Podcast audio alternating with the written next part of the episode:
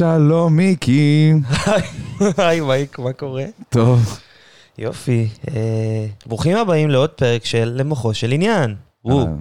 אה, התוכנית שבה אנחנו עוסקים אה, במדעי המוח, כל פעם אנחנו בוחרים נושא, מביאים מומחה אה, איתנו ומדברים איתו על הנושא הזה, ופורקים אותו לגורמים, משתדלים כמה שיותר. תודה רבה שהסברת לנו את חוקי הפורמט. בכיף, אני צריך מדי פעם להסביר. היום דיברנו עם אה, מישהו, אני, עוד רגע אני אחשוף את זהותו, אבל עשינו את זה ב live איזה סוף סוף. מסתורי אתה, כן. איזה כיף היה, מייק. סוף סוף אה, לדבר עם אנשים face to face, כזה תחושה של אה, פוסט קורונה באוויר. כן, ואני מקווה שאנחנו רק אה, נלך ונמשיך עם הגל הזה. אז הפרק של היום עוסק אוטיזם. באוטיזם, שזה נושא סופר סופר מעניין. היום דיברנו עם אה, פרופסור אילן דינשטיין, שהוא ראש המרכז המ- הלאומי לחקר האוטיזם. וואי, סוף סוף הצלחתי להגיד את זה. הוא פרופסור במחלקה לפסיכולוגיה בבן גוריון ובמחלקה לקוגניציה במוח, גם בבן גוריון, והוא אבא לשתי בנות. אה, מה שמיוחד באילן, אה, מעבר לזה שהוא בן אדם נורא נורא מעניין, זה שהוא באמת אוטוריטה מאוד רצינית בתחום הזה של חקר האוטיזם. ובן אדם סופר נחמד. ממש. אז בואו נקבל אותו, עזוב, let's cut the chase. אז קבלו בבקשה את... פרופסור אילן דינשטיין. אתם מאזינות ומאזינים לעוד פרק של למוחו של עניין. אז אה, וואי, זה מאוד מרגש, זה רעיון אה, פרונטלי ראשון מזה הרבה זמן שלנו. אה, שלום אילן, מה שלומך? שלום. כיף שהצטרפת אלינו. וואו, אז אנחנו בעצם התכנסנו היום בשביל לדבר על הטייטל הזה שנקרא אוטיזם, שאני חייב להגיד שאני בא לפרק הזה, מייקל הוא המומחה ואני הבור. כאילו אנחנו נעשה good cop, good cop, bad cop, ואני ה-ignorant cop. אה, אז קודם כל אני אשמח לשאול אותך, מה זה בכלל אומר אה, לחקור? מה אתה בעצם חוקר אה, בכל הנושא הזה של אוטיזם? כי זה טייטל מאוד רחב. מה אתה... אז, אז בהיסטוריה האישית שלי התחלתי, מ, הגעתי ממקום של מדעי המוח. התחלתי עם הרבה סריקות אה, MRI, הקלטות EEG, דבר, אה, עבודות בכיוון הזה. ועם השנים יותר עברתי לעבוד על אה, עבודות יותר קליניות של מה באמת עוזר, מה משנה, לנסות לעבוד עם אוכלוסיות גדולות של מאות ילדים. אנחנו בונים מאגרי מידע גדולים, שאולי תכף אני אספר עליהם יותר, ואנחנו מסתכלים על... על מה, מה באמת עובד, איך אה, ילדים שמאובחנים עם אוטיזם משתפרים על פני זמן. זו שאלה בכלל איך למדוד את השיפור שלהם, זה כבר אה, שאלה קשה. אז בא לי שנתחיל כזה קצת אפילו לפני, איך נראה עולם של אדם עם אה, אוטיזם? אז, אז תראו, אוטיזם זה המון דברים. אז לאנשים שונים עם אוטיזם, אני מנחש שהעולם נראה אחרת. אה, החל מ... לחלק מה... מהחברים עם אוטיזם יש בעיות סנסוריות קשות, ואז אה, יכול להיות שהעולם הוא מקום מלא גירויים מפחידים ושמעוררים חרדה, ויכול להיות אה, גירויים שמפריעים להתרכז ומפריעים לנהל שיחה, וכן, וגורמים לאיזו הסתגרות. לחבר'ה אחרים יכול להיות אה, כל מיני קשיים של, אה, קשיים להתרכז, סגנון ADHD, אה, קשיים של מערכת עיכול. אה, יש, סביב הנושא הזה של אוטיזם, הדבר שמשותף לכל האנשים עם אוטיזם זה בעיות בתקשורת חברתית. וגם זה בפני עצמו, נכון, מה, מה זה תקשורת חברתית? כן. לכולנו יש קצת בעיות עם תקשורת חברתית בטוח. כן, אשתי לא? אומרת לי שיש לי הרבה. אז, אז אתם יודעים, דברים, זה המון ניואנסים, נכון? תקשורת חברתית זה דבר שגם ככה מאוד קשה ללמוד אותו, ויש אה, חלקנו יותר טובים, פחות טובים, אה, מתי ליצור קשר עין, מתי להסיט את המבט, מתי לדבר באינטונציה אחת, מתי לדבר ב... נכון? איך אנחנו יודעים אם הבן אדם מולנו כועס או, או עצוב, ואיך להתאים את התגובות שלנו. גם לפעמים אנחנו לא יודעים, אבל כן. בעצם מה הסף שכאילו מבחין בין תקשורת חברתית לא תקינה ברמה הנורמלית, נורמלי מושג כזה גם די אבסטרקטי נראה לי, הכל יחסי, אבל מה, מה הסף? איך יודעים להבחין?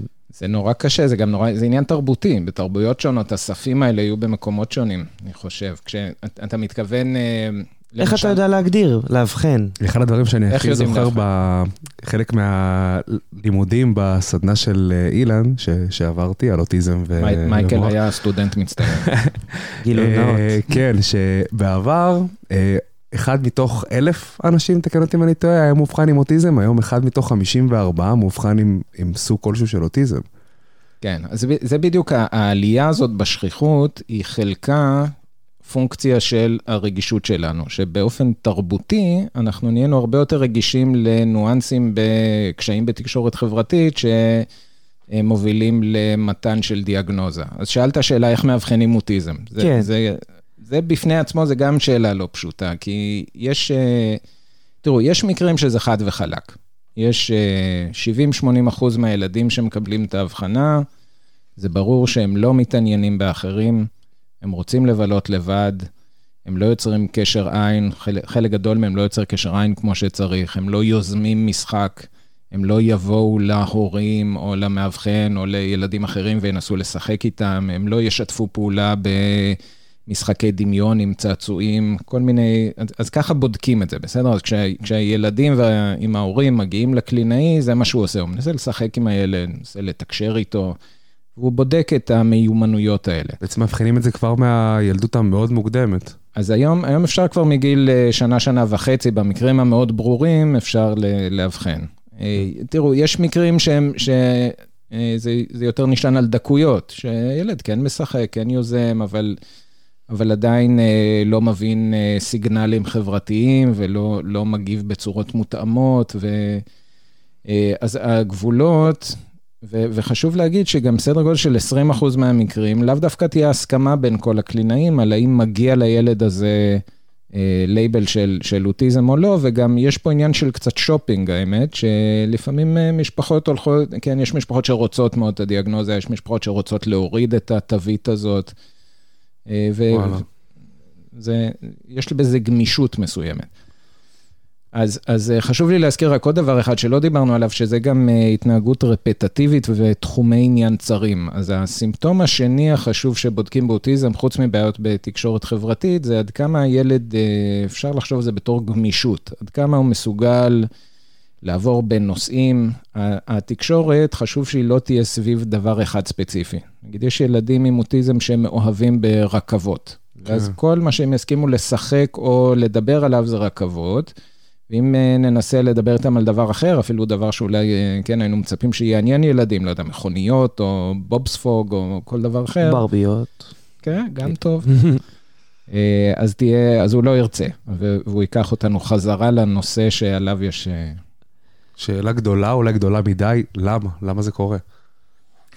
אז תראו, ב-20% מהמקרים היום חושבים שהם מבינים או שמצליחים לזהות גנים ספציפיים שיש בהם איזושהי אבנורמליות, איזשהו שינוי, זה יכול להיות מוטציה קשה יותר או קשה פחות, אה, שגורמת בעצם להתפתחות של הדברים.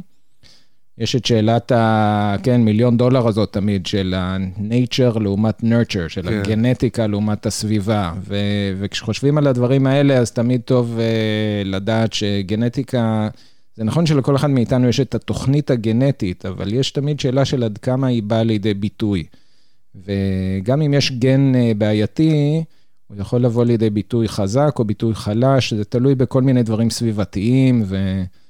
אה, נהיה מסובך. אז בקיצור, הבוטום ליין, אם לפשט את זה כן. מאוד, 50 אחוז מהסיפור הוא גנטי כנראה, 50-60 אחוז, ו-40-50 אחוז זה סביבתי. כאילו, נשמע שכאילו אלה הסימפטומים, וכאילו אתה יכול להגיע לסימפטומים האלה מכל מיני דרכים. כן. אז איך אפשר לאפיין את התופעה אם בכלל? או שאי אפשר? אז, אז היום, בעשר שנים האחרונות, מאוד מנסים ל...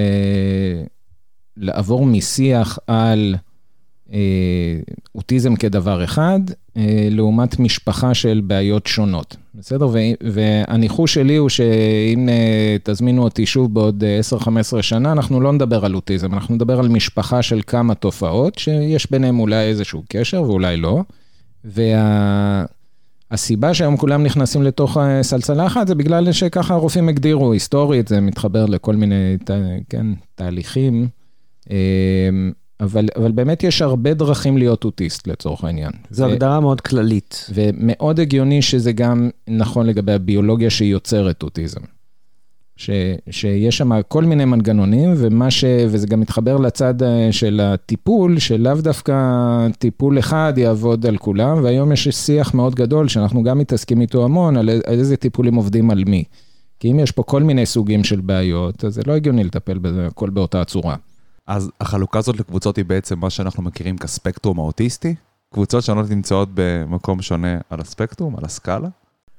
אז היום אין, אין איזו הסכמה לגבי איך לחלק את הספקטרום לקבוצות. אה, זו שאלה גם האם, עוד שאלה מאוד קשה, האם אלה קבוצות ממש נבדלות, או שאלה מימדים ש, שיש איזו תנועה על מימדים של למשל אינטליגנציה. יש חבר'ה עם אוטיזם אינטליגנציה מדהימה. גם, אה, כן, גם אומרים... לא יודע אם זה נכון, אבל אה, כן, גם על איינשטיין ולאונרדו דה וינצ'י כן. וכל מיני דמויות כאלה מאוד, אה, אבל באמת, יש חבר'ה עם אוטיזם שכותבים ספרים ו... ועושים דברים מדהימים. אה, וגם כל מיני סוונטים מוזיקליים וכישרונות מדהימים. ו... ובוודאי שזה נראה מאוד שונה מחבר'ה עם אוטיזם שיש להם בעיות, שיש איי-קיו נמוך, שהם כן נמוכים במדד הזה. האם הביולוגיה של שתי הקבוצות האלה היא שונה? אני, אני לא יודע, ו- כן. ואני לא יודע גם עד כמה זה נבדל או איזשהו מימד. ואפשר לעשות, לדבר באותו, באותו אופן על יכולות שפה, יש כאלה שאף פעם לא מדברים, יש כאלה שמדברים כמה שפות. Uh, הרגישות הסנסורית שהזכרנו מקודם, יש, יש חבר'ה עם אוטיזם שאין להם בעיה סנסורית, שהכל טוב, זה לא, זה לא מה שמפריע להם. אז, אז uh, יש הרבה שיח על... Uh, לנסות לזוז ממקום של, אה, של הגדרות כאלה, ויותר פשוט לחשוב איך משפרים סימפטומים. אז יותר לבוא בכיוון של מה מפריע לחבר'ה עם אוטיזם בחיי היום-יום. כן. מה הדברים שאם היינו משפרים אותם, היה להם אה, הכי טוב. וזה נובע בעצם במחשבה שאין טיפול. זה לא שאני יכול לתת למישהו כדור ש... והנה אתה לא אוטיסט. זה לא בעיה מוגדרת, זה כאילו, כן. זה, זה בעיה גם, עם... זה גם, יש פה שאלה נורא חשובה של, גם אם היה כדור, כן. האם היינו רוצים אה, שכולם ייקחו את הכדור הזה ולא יהיו אוטיסטים לצורך העניין? אני גם הרבה פעמים אומר שאתם יודעים, העולם היה יכול להיות קצת יותר יפה אם כולנו היינו קצת יותר אוטיסטים בהקשר של, יש משהו נורא יפה באוטיזם שאין מניפולציות. נכון. הקושי הזה עם התקשורת החברתי גורם להם להיות... אה, לעתים אנשים הרבה יותר אמיתיים. אין פוליטיקה. בזה, אין פוליטיקה. אין סאבטקסט, כאילו. כן, יש את ה... לא הכל לא זה סאבטקסט. הכל זה סאבטקסט. אתה לא צריך לדאוג, what you see is what you get. כן. וזה, ויש בזה משהו נורא נקי ו, ויפה, ו, וזה כיף, זה משחרר. לא מזמן יצא לי לראות את, uh, סליחה על השאלה של כאן, שהם הוציאו עם האוטיסטים. זה אחד הדברים העיקריים, ש... אחד המסרים העיקריים שמעבירים שם, שהכל מאוד straight forward, כאילו אין שם, אין שם uh, דברים מתחת לפני השטח. כאילו ממש what you see is what you get. אז, אז רק ל... אבל לחדד את הנקודה הזאת, ואני חושב שגם הר, הרבה חבר'ה עם אוטיזם שהם אה, הם לא רוצים להשתנות, וזה כן. בוודאי זכותם, וזה להפך, זה חובתנו, אנחנו לא צריכים לנסות לשנות, זה לא, זה לא הפואנטה. הפואנטה היא ש... החבר'ה עם האוטיזם שיש להם קשיים, וגם חבר'ה סופר אינטליגנטים ומאוד כישרוניים, עדיין שיכול להיות שמאוד קשה להם עם אה, איזושהי רגישות סנסורית. אז היה אדיר אם היינו יכולים ספציפית בזה לטפל, ולהוריד להם את כן. הרגישות הסנסורית, והאם זה היה משנה להם את האוטיזם? יכול להיות. אבל, אבל הפואנטה זה לשנות את ה... לעזור עם הדבר, עם הסימפטום שמפריע, ולא... אבל אם אתה אומר שיש בעיות תקשורת, mm-hmm. אז איך אתה בהכרח יודע שהסימפטום הוא מפריע? אז זה קצת uh, ביצה ותרנגולת. הדרך לבדוק את זה תהיה לטפל, בס... נגיד אם הבעיה של הרגישות הסנסורית, אז בואו נטפל ברגישות סנסורית ונראה אם זה משפר את התקשורת החברתית. יכול להיות. יכול להיות שהבעיה שה... הסנסורית מסיחה את דעתם כל הזמן מהתקשורת החברתית, לא מאפשרת להם להשתתף כמו שהם היו רוצים. יש פה גם הרבה, תראו, חלק מהחבר'ה עם אוטיזם אה, מספרים על אה, בדידות גדולה. ועל, ועל קושי שמאוד קשה להם עם החוסר יכולת להביא נגיד חוש הומור, זה כן. לפעמים עולה, או אה, כן, ההתייחסות המאוד ליטרלית הזאת למה שאומרים להם, שלפעמים, הם, הם מבינים שהם מפספסים, כן. וזה קשה להם. אז, אז במידה והם רוצים לשנות את זה, אז הלוואי שגם נמצא, כן, דרכים לשפר את זה, והם מנסים, יש שם כל מיני התנהגויות, התערבויות, אה, התערבות אה, התנהגותיות. שמנסים ללמד אה, חבר'ה עם אוטיזם בצורה יותר ליטרלית. אז אה, באים נגיד בקבוצה ומתרגלים כל מיני אינטראקציות חברתיות שאולי נראות לנו טריוויאליות, אה, אז, אז דרך תרגול אולי אפשר ללמוד, ללמוד לעשות אותם בצורה יותר טובה. לי זה נראה כזה, שאנחנו נמצאים באיזשהו עולם מסוים, עם חוקים מסוימים, עם מכנה משותף שמאחד את כולנו, בתקשורת שלנו, במה שמצופה כאילו מאיתנו, גם מבחינה חברתית, ו... והפרעת הספקטרום האוטיסטי זה כל החבר'ה שנמצאים ברמה מסוימת מחוץ למכנה המשותף הזה. כאילו שאנחנו מנהלים איזשהו עולם פה, והם נמצאים באיזשהו עולם שלהם. מי אמר שאנחנו לא אוטיסטים? אתה צודק, אבל זה כבר עניין לא? סטטיסטי, כאילו, כאילו כמה נמצאים במכנה המשותף הזה וכמה נמצאים מחוץ לו. גם אני אפ- אפילו עכשיו אמרתי, גם אנחנו, למה אנחנו לא אוטיסטים? וזה לי נתפס בראש כאיזשהו מילת אה, גנאי. אז זה? משהו שצריך להתנתק כן. ממנו, וגם יש, אה, יש כי גדלנו, אני גדלתי כן. על זה, כאילו זה היה כזה, אה, גבר, אה, כזה. וזה משהו שהוא ממש מעצבן אותי. אז יש גם על זה שיח מאוד מעניין. השאלה של אה, איך לקרוא למישהו שיש לו אוטיזם, האם לקרוא לו אוטיסט, או האם לקרוא לו ילד עם אוטיזם. ויש כן. על זה דעות שונות, ויש חבר'ה, יש אוטיסטים שרוצים שיקראו להם אוטיסטים, ו- ולא, שלא יתייפייפו עם כל מיני... זה אחד הדברים אה, שאני חששתי מהם לקראת הרעיון. כאילו, חושב שזו מילה גדולה, כן, אבל... עברו בראשך. דיברתי על זה גם עם בוזי, ואני זוכר שגם הצגתי מאמר במסגרת הסמינר עם אה, אילן על תפיסת פרצופים באוטיזם, והתלבטתי עם עצמי איך לקרוא לקבוצה של האוטיסטים שבדקו. אז כאילו, לקרוא להם קבוצת הביקורת, לקרוא להם קבוצת הזה, לקרוא יודע, להם, כאילו, אני איך אני איך חושב לקרוא שאתה להם. יכול להביא את זה מהקבלה מנגיד תחום של הפרעות אחר. אתה לא אומר בן אדם, אה, לא יודע, אני... אז זה שונה, נגיד, אתה כן אומר בן אדם עם דיכאון. אתה לא, בן אדם לא עם דיכאון, לא בן אדם דיכאוני. או- אתה יכול להגיד דיכאוני, אבל אה, נכון, בן אדם עם דיכאון. לא, בן אדם עם חרדה. יש, כן. יש כל מיני ניואנסים. זה בא ויותר ויותר למודעות, והנה אנחנו פה עושים פודקאסט, וזה נושא שמאוד רצינו לגעת בו. אז אני חושב שכן יש פה, וחלק מזה שאנחנו עושים את השיחה זה גם להביא, אתה יודע, לתת עוד אינפוט על הדבר הזה, שזה לא, אתה יודע, זה לא קללה, אלא זה משהו לגמרי קיים. לא, זה גם, כן. תראו, אני גם משתף אתכם שהיה לי את ה... כן, את העונג, את הכבוד אה, לפני שנתיים להתחיל לעבוד, אה, שנה, שנתיים, להתחיל לעבוד עם... אה, עם אוטיסט אה, שאני מאוד אוהב בשם מורדי בן חמו, שהוא גם סלבריטאי, הוא היה... כן, הוא היה, על השאלה, מה- כן. הוא היה גם בעוד כמה תוכניות. דוקטור. כן, הוא דוקטור למדעי התנהגות. ראיתי אה, שהוא מרצה ביחד איתך באוניברסיטת חיפה. אז הוא, כן, הוא יבוא אה, לדבר כן. באמת, אה, הוא- תראו, הוא מרצה מדהים, הוא גם נגן גיטרה מדהים, הוא כן. הרבה דברים, הוא גם סופר, אה, והאינטראקציה איתו מעשירה אותי בצורות מדהימות, וכן, אז שם גם יצא לנו לדבר כמה פעמים על, ה- נגיד מורדי מאוד אה, מאמין בגישה של, אה, הוא קורא לעצמו אוטיסט, וכן, ושככה צריך, ואני אני מאוד מתחבר לזה. איך בעצם אה, מטפלים אה, בסימפטומים, נגיד, אם Mm. ניקח דוגמה את השניים, שלושה הנפוצים כן. ביותר, או אתה יודע, משהו שהרי אי אפשר לגעת בכל הסוגים. כשמאבחנים ילדים בגיל צעיר, בני שנתיים-שלוש, יש הרבה ילדים עם קשיים מאוד גדולים, אה, שיכולים לבוא גם עם התפרצויות זעם והתנהגויות שמאוד מאוד קשה למשפחה להתמודד איתם.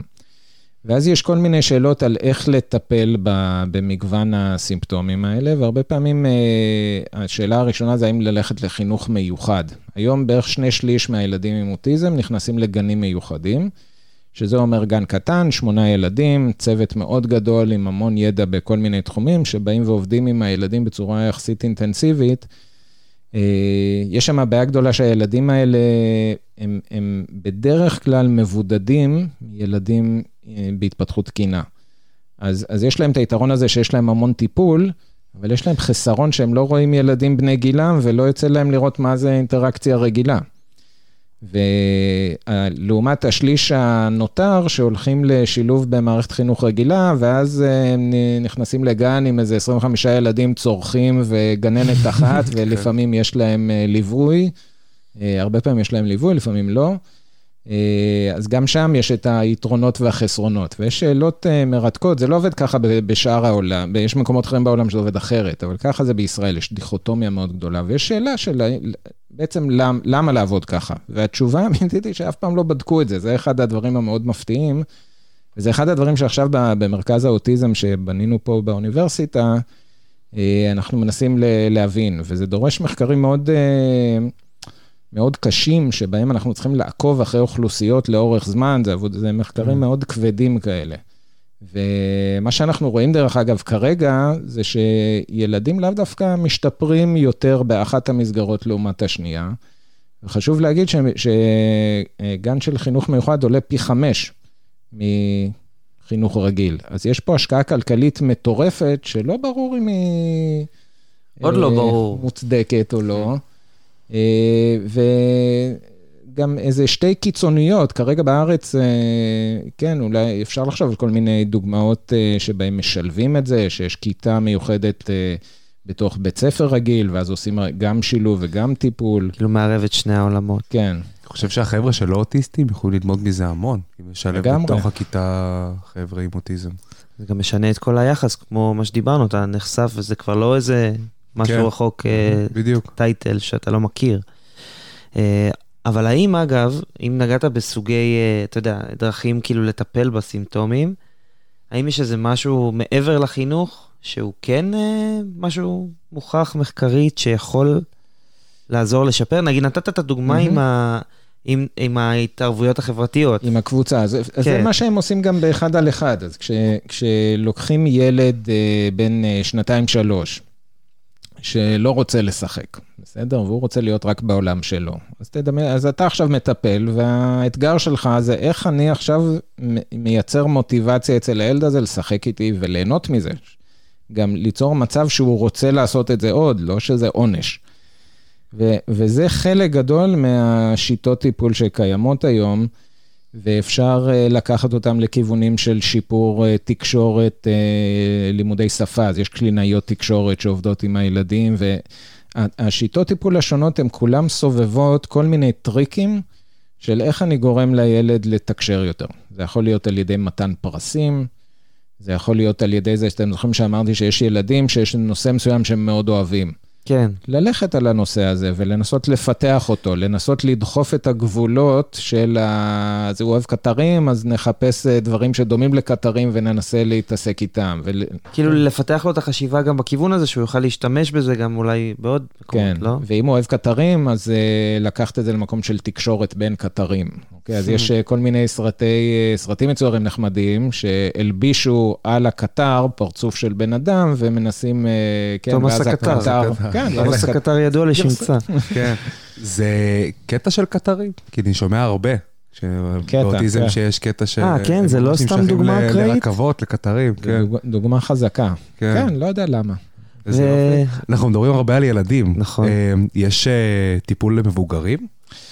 אז זה אחת התלונות הגדולות, שככל שהגיל עולה, הטיפולים אה, מצטמצמים. בעצם, נשמע כמו שיש איזה, כאילו שיש איזה גיל קריטי. יש על זה הרבה שיח, כן? זה לא ברור, אפשר אה, בקלות להגיד כל מיני טיעונים על זה שהמוח שלנו יותר אה, גמיש בהתחלת הדרך, ושיותר הגיוני, כן, לנסות לטפל ב... יש פה גם המון עניין של למידה, תקשורת חברתית זה משהו ש... בשנים הראשונות, כאילו ילדים לומדים בלי מאמץ, הם פשוט מסתכלים ואיכשהו מחכים ולומדים אה, איך לעשות את הדברים. עד גיל מסוים עדיין מנסים לעשות אה, קבוצות טיפוליות, זה גם נורא תלוי בר, ברמת התפקוד, יש גם חבר'ה מבוגרים שנמצאים כן. בבתים וצריכים טיפול מסביב לשעון, ו, אמ, ו, ובאמת יש מתח גדול בין מחשבות על האם עוד אפשר אה, לשנות או ללמד או לעבוד ב, ב, כן, עם כיוון של שינוי, אל מול פשוט אה, ליצור סיטואציה שטוב להם והם הכי נהנים בה, כן. ולמצוא מסגרות, אה, כן, יש היום כל מיני כפרים בטבע, עם חקלאות, עם... שזה לא- טיפול בסימפטומים בעצם. כן, וזה גם, זה לא פחות חשוב. לגמרי, כן. כן. אילן, איך הגעת לחקור אוטיזם? אה, האמת שהייתי מת שיהיה לי איזה סיפור דרמטי על איזה חוויה שהובילה אותי לזה, ושאני אוכל לא היה רגע אתכם, התגלות? אבל אה, דוגרי, אני עשיתי דוקטורט במדעי המוח באוניברסיטת ניו יורק, אה, במעבדה שהתעסקה במערכת הראייה. וזה זה ככה קצת שיאמם אותי, ההתעסקות אה, בכיוונים היחסית בסיסיים, ומאוד חיפשתי כבר אה, לקראת הסוף משהו קליני.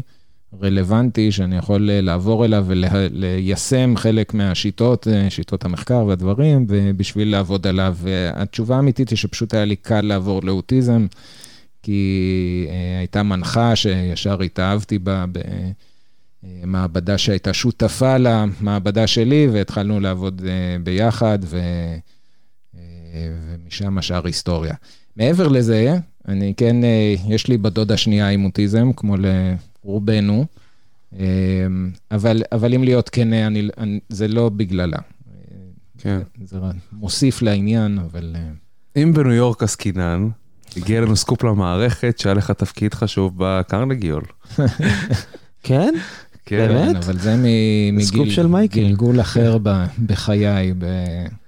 באוניברסיטת בן גוריון זה עסק משפחתי אצלנו. וואלה. אבא שלי היה פרופסור בהנדסת חשמל, ונסענו לשבתונים, וכשהייתי ילד, אה, בכיתה ח'-ט', היינו בניו יורק. ואז הלכתי, שפר מזלי, והלכתי לבית ספר, אה, אתם מכירים את הסדרה פיים? לא, אני לא... אולי, וואו, זה לא מהדור. שלכם. אופס. אז פעם, בדור הקודם לכם, הייתה סדרה פיים על בית ספר למוזיקה, שכולם שם היו רקדנים ומוזיקאים מדהימים, והם הסתובבו ברחובות ניו יורק ועשו דברים... אז קיצר, הלכתי לבית ספר הזה. ואחד הצ'ופרים בבית ספר הזה, היינו מנגנים הרבה מוזיקה קלאסית ובכל מיני תזמורות גדולות, ואת הקונצרט סיום עשינו בקרנגי הול. כן.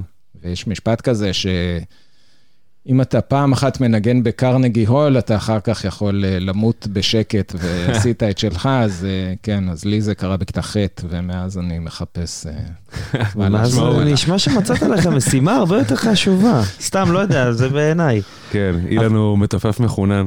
ככה ככה אנחנו שמענו. מסתבר, apparently. כן, כן. רגע, אני רגע, אני רוצה לחזור לאוטיזם. מה, מה ה passion שלך, אתה יודע, איך, הרי אתה חייב להניע את הגלגל, כאילו, אתה לא סתם, אה, מה ה passion שלך בנושא הזה?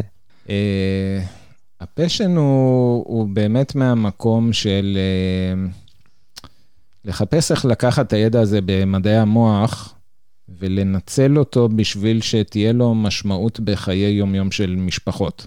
ו, ולא בעוד אה, 100 שנה, ב-15 שנים הקרובות. זה, זה מה שאותי מאוד מניע. והניחוש שלי או האינטואיציה שלי, בשביל, שבשביל להגיע לשם, אז מחקרי אוטיזם חייבים להיות על אה, אוכלוסיות מאוד גדולות, ובצורה שמסתכלים על הקהילה. אז, אז פחות מחקרים של להביא 10-20 חבר'ה עם אוטיזם למעבדה ולעשות להם איזו בדיקה כזאת מאוד מעמיקה, ויותר עבודות של ללכת לקהילה, לעקוב אחרי ילדים לאורך זמן, ל- ל- לבדוק אותם בכל מיני מדדים. אנחנו עושים הרבה מעקב תנועות עיניים, אנחנו מכניסים המון טכנולוגיות עכשיו, יש לנו המון שיתופי פעולה עם מדעי המחשב, הנדסה ביו-רפואית, בקטע של אה, אה, צילומים והקלטות של ילדים. אז אנחנו עושים כל מיני אנליזות מדליקות כאלה של לזהות את הילד בתמונה, בווידאו, ולראות איך הוא זז. יש, יש הרבה עניין, אה, לא הזכרנו את זה, יש גם תנועות סטריאוטיפיות באוטיזם, נפנופי ידיים וכל ניות מיני ו- ניות ודברים כן. כאלה. אז אנחנו, ו, ויש גם עניין של הבעות פנים, נכון? הבעות פנים כן. באופן מאוד טריוויאלי קשור לתקשורת חברתית. והיום באמצעים של ראייה ממוחשבת אפשר למדוד את הדברים האלה בצורה, זה מדליק אה, לאללה. כן. יש למדוד מה? למדוד... אה, כמה מה זמן, כמה אה, זמן אתה מחייך, אוקיי. האם- כמה זמן אתה עצוב, כמה זמן אתה מפוחד.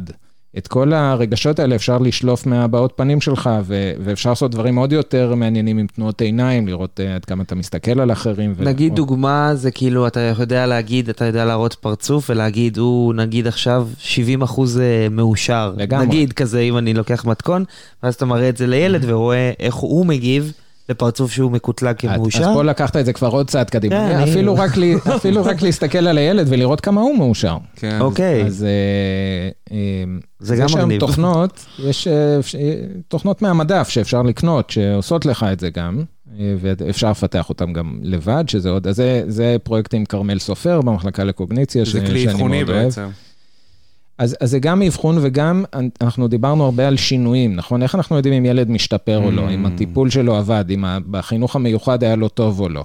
אנחנו יכולים ל- ל- לקחת אה, סרטי צילומים שלו, ולבדוק למשל האם הוא מביע את עצמו יותר עם הבעות פנים עכשיו, האם הוא עושה פחות תנועות סטריאוטיפיות עם הגוף שלו, האם הוא יוצר יותר קשר עין. עוד דבר אה, מדליק זה האינטונציה. אנחנו יכולים להקליט, אם, אם הוא ילד מדבר, שני שליש מהילדים מדברים. אז אנחנו יכולים להקליט את הדרך שבה הוא מדבר, וזה עבודה עם יניב ציגל בהנדסה ביו-רפואית, ששם אנחנו אה, מסתכלים עד כמה... אה, יש כל מיני אלמנטים של אינטונציה, זה הפיץ', היציבות של הטון דיבור, כל מיני אלמנטים כאלה שהם שונים בילדים עם אוטיזם. ואז, אז אלה פרויקטים שהם סקיילבל, אפשר לה, להריץ אותם על אוכלוסיות, ו, והתקווה היא, זה, אז זה ה passion, שם יושב כן. רוב ה passion, וזה גם, זה, אני חושב שיש שם אינטואיטיבית איזה חיבור. ליצירה של טכנולוגיות שגם יכולות למדוד ואולי גם יכולות אה, לעזור ולעזור למטפלים. דיאגנוסטיקה, לאבחן בעצם, כן, זה כן. מה שזה נשמע. נשמע כאילו כל כך טריוויאלי, שד... טריוויאלי שדבר כזה קיים. אלהבת אותי. אותי. כן, זרק אותי לשאלה של איך הסתכלו על אוטיזם בעבר. הכל היה מאוד אה, סובייקטיבי. הרוב היום, כרגע, הרוב הוא מאוד סובייקטיבי. ו- ונורא חסר אלמנטים אובייקטיביים יותר, של, של איך לכמת את הדברים. זאת אומרת שממש יש הבדל בין, בין אדם אחד לשני שייתנו הבחנה. לגמרי. אבל נשמע שעם ההתקדמות ודברים שאתם עושים, מובילים ליותר, לאיזושהי מידת ודאות או אפיון. אז או... זה, זה, אחד ה... כן, יש מוטיבציה גדולה לעשות זה. גם תדמיינו משפחה שנכנסת לתהליך אבחון כזה, ואז הם שומעים אה, מישהו מדבר כמוני, וזה 80 אחוז ודאי, זה 20 אחוז אה. שופינג, כן. זה כאילו, אז, אז מה, ו, ואחרי זה מה עושים עם זה? הולכים לגן מחינוך מיוחד, הולכים לחינוך רגיל, זה, זה, יש מעט מאוד אינפורמציה. ודאית שאיתה אפשר ללכת קדימה, וזה בעיניי אתגר, לנסות לשפר את המקומות האלה. זה, זה הדבר שמניע אותי. זה נראה לי נורא נורא חשוב האספקט הזה, שדווקא לשמוע אותך אומר את הדברים האלה עכשיו, אנשים, אתה יודע, אומרים מומחה, רואים מטפל, והנה אתה אומר לנו שזה לא בהכרח, לא, אני לא בא לגמור, להשוויז פה, לבאס אף אחד, אבל חשוב לדעת. כן, חשוב, חשוב תמיד להיות סקפטי. ו... כן, זה חשוב כן. להיות פסימי. ו... אני לא יודע אם פסימי, אבל להיות סקפטי ולא ל... כן, תשמע, השאלה שלך על, ה... על ה... מה המוטיבציה שלך, מה מעניין אותך, שאלה מצוינת. תודה. אני חושב להפוך את זה לאיזושהי פינה לסוף הפודקאסט. אני, כן, אתה יודע, אילן היה נראה לי כזה... כן, פשט לדבר. כאילו יש לו מוטיבציות מעניינות. טוב, אנחנו ממש ממש קוראים לסיום. אה, המרכז הלאומי לחקר אוטיזם מגייס עובדים עכשיו, ראיתי. כן, אה, האמת שאנחנו כל שנה מגייסים עובדים. אה, אנחנו מאוד מחפשים סטודנטים עם רקע בפסיכולוגיה וקוגניציה, פסיכולוגיה וביולוגיה, זה המסלולים ה... הכי טובים אה, בשבילנו. אז אם בשנה הקרובה אה, מישהו פה פנוי, אז, אז בבקשה. אילן רמז קשר. לנו בעיניים, אתם לא רואים את זה, אבל גם מי שמאזין, אז אה, ממש אפשר לחפש. אולי תעבדו איתנו. אולי תעבדו איתנו, פרופסור אילן אינשטיין, אתם יכולים למצוא, למצוא אותו באתר. אני רק אלהיב אתכם עוד יותר, שהשנה אנחנו, אחד הדברים המדהימים שקרו לנו זה שאנחנו קיבלנו... תרומה מקרן עזריאלי של 40 מיליון שקלים. וואו. וואו. שזה אחת התרומות הגדולות שהאוניברסיטה קיבלה בשנים האחרונות. והסיפור של המרכז אה, מחקר של האוטיזם, הפואנטה היא להפוך אותו ללאומי. ואנחנו כבר עכשיו פועלים לא רק כאן באוניברסיטה ובסורוקה, אנחנו פועלים עם אה, מכבי, עם משרד הבריאות, באסף הרופא, בבית חולים שם. וזה בדרך להיות... Uh, פרנצ'ייז לאומי ככה, עם סניפים בכל רחבי הארץ. איזה ו... מדהים. כן, ובאמת יש המון עבודה מעניינת. נשמע מבורך, מדהים. אז גם מי שמאזין לנו עכשיו, אה, באמת תחפשו את זה, look it up מה שנקרא, ו- ואפשר לגשת. אולי אנחנו גם נבוא, אני לא יודע, כן, אני לא רוצה להתחייב פה שום דבר. אני לא אוהב להתחייב. אני לא אוהב להתחייב, הוא הציע לי להיפגש איתו שבוע הבא בשלישי. אה, יש לנו איזה משהו, כן, כן. ואני לא, אני לא אוהב להתחייב. מספיק קשה לי גם אבל מה אמרת 80 אחוז? 80 אחוז. אז אם אתה בכיוון הזה, אולי כדאי שתלך לחקר כן, אוטיזם. כן, תמיד תהיה סקפטי. באמת ולידציות, כן. מה היית אולי רוצה, ל... אם היית רוצה בכלל, ל... למסור למשפחה או אמא, אבא ששומעים אותנו עכשיו, בהקשר הזה, כי היה לנו שיחה כן. קצת פסיבית. אה, כן, יש, אתה יודע, מחקר הרבה פעמים נובע ממקומות שיש בהם חוסרים ושצריך לפתח דברים כי הם לא קיימים היום, אז, אז אה, אולי אפשר לחשוב על זה כמשהו פסימי. אני חושב ש... תראו, היה לנו שלב בשיחה שדיברנו על זה שהעולם יהיה יותר טוב אם כולנו נהיה קצת אה, יותר אוטיסטים. יש משהו באוטיזם שגם מוציא את המיטב ממשפחות. זה, זה דבר קשה, אין מה, אי אפשר ליפייף את זה, זאת, זאת חוויה מאוד קשה. אבל uh, הרבה משפחות שאני מכיר עם ילדים uh, עם אוטיזם, הם, זה מוציא מהם אנרגיות ויכולות ואהבה ו... Uh, שאתה יודע, לפעמים כשיש קושי, אז, אז יוצא הבן אדם במיטבו. ובהרבה משפחות רואים את זה, ממש משפחות מדהימות שרק להוקיר אותם ו... אז, אז בתהליך הזה, אה, האמירה היא לחפש את בכל זאת מה שטוב, לחפש את החוזקות, לחפש את, ה, אה, את הקשרים הטובים, ו, והרבה פעמים כשיש אתגר זה דווקא מאחד משפחות ויוצר להם חיי משפחה שלא היו קורים אחרת. אז אני, אני מאחל לכל משפחה שיש לה ילד עם אוטיזם שהיא, שהיא תלך בכיוון הזה, ושבאמת נצליח לעזור מהצד כמה שאפשר. אני גם מאחל, ושתדעו שיש אה, אנשים שעובדים אה, מאוד קשה אה, על מנת לעזור ולהגיע להבנות ולידע ולכלים. כן. הנה ול... דוגמה חיה לכך. והתהליך מאוד משתפר במדינה, כאילו, יש פה איזו מגמה מאוד חיובית גם ברמה כן. המוסדית, מדינית, וזה מאוד מאוד מאוד אופטימי וכיף לשמוע. כיף שיש הכרה. אז סביב נושא האוטיזם יש עכשיו איזה כוכבים מיושרים, יש, יש הרבה הרגשה של שיתוף פעולה, גם בין מוסדות, גם בין תחומים. זה כיף גדול להיות בזה, בתחום הזה עכשיו. ממש תודה שבאת, זה היה סופר מרגש. תודה רבה לכם, מייקל ומיקי, אתם מקסימים. תודה רבה, ומי שרוצה לחפש את אילן, אז אה, פרופסור, פרופסור, לא, פרופסור אילן דינשטיין, אה, יכולים לחפש באוניברסיטת בן גוריון בנגב. אה, לקרוא את תחומי המחקר שלו, פרסומים. אה, מלמד אה, במחלקה לפסיכולוגיה גם, מי שרוצה. תודה רבה רבה לפרופסור אילן דינשטיין.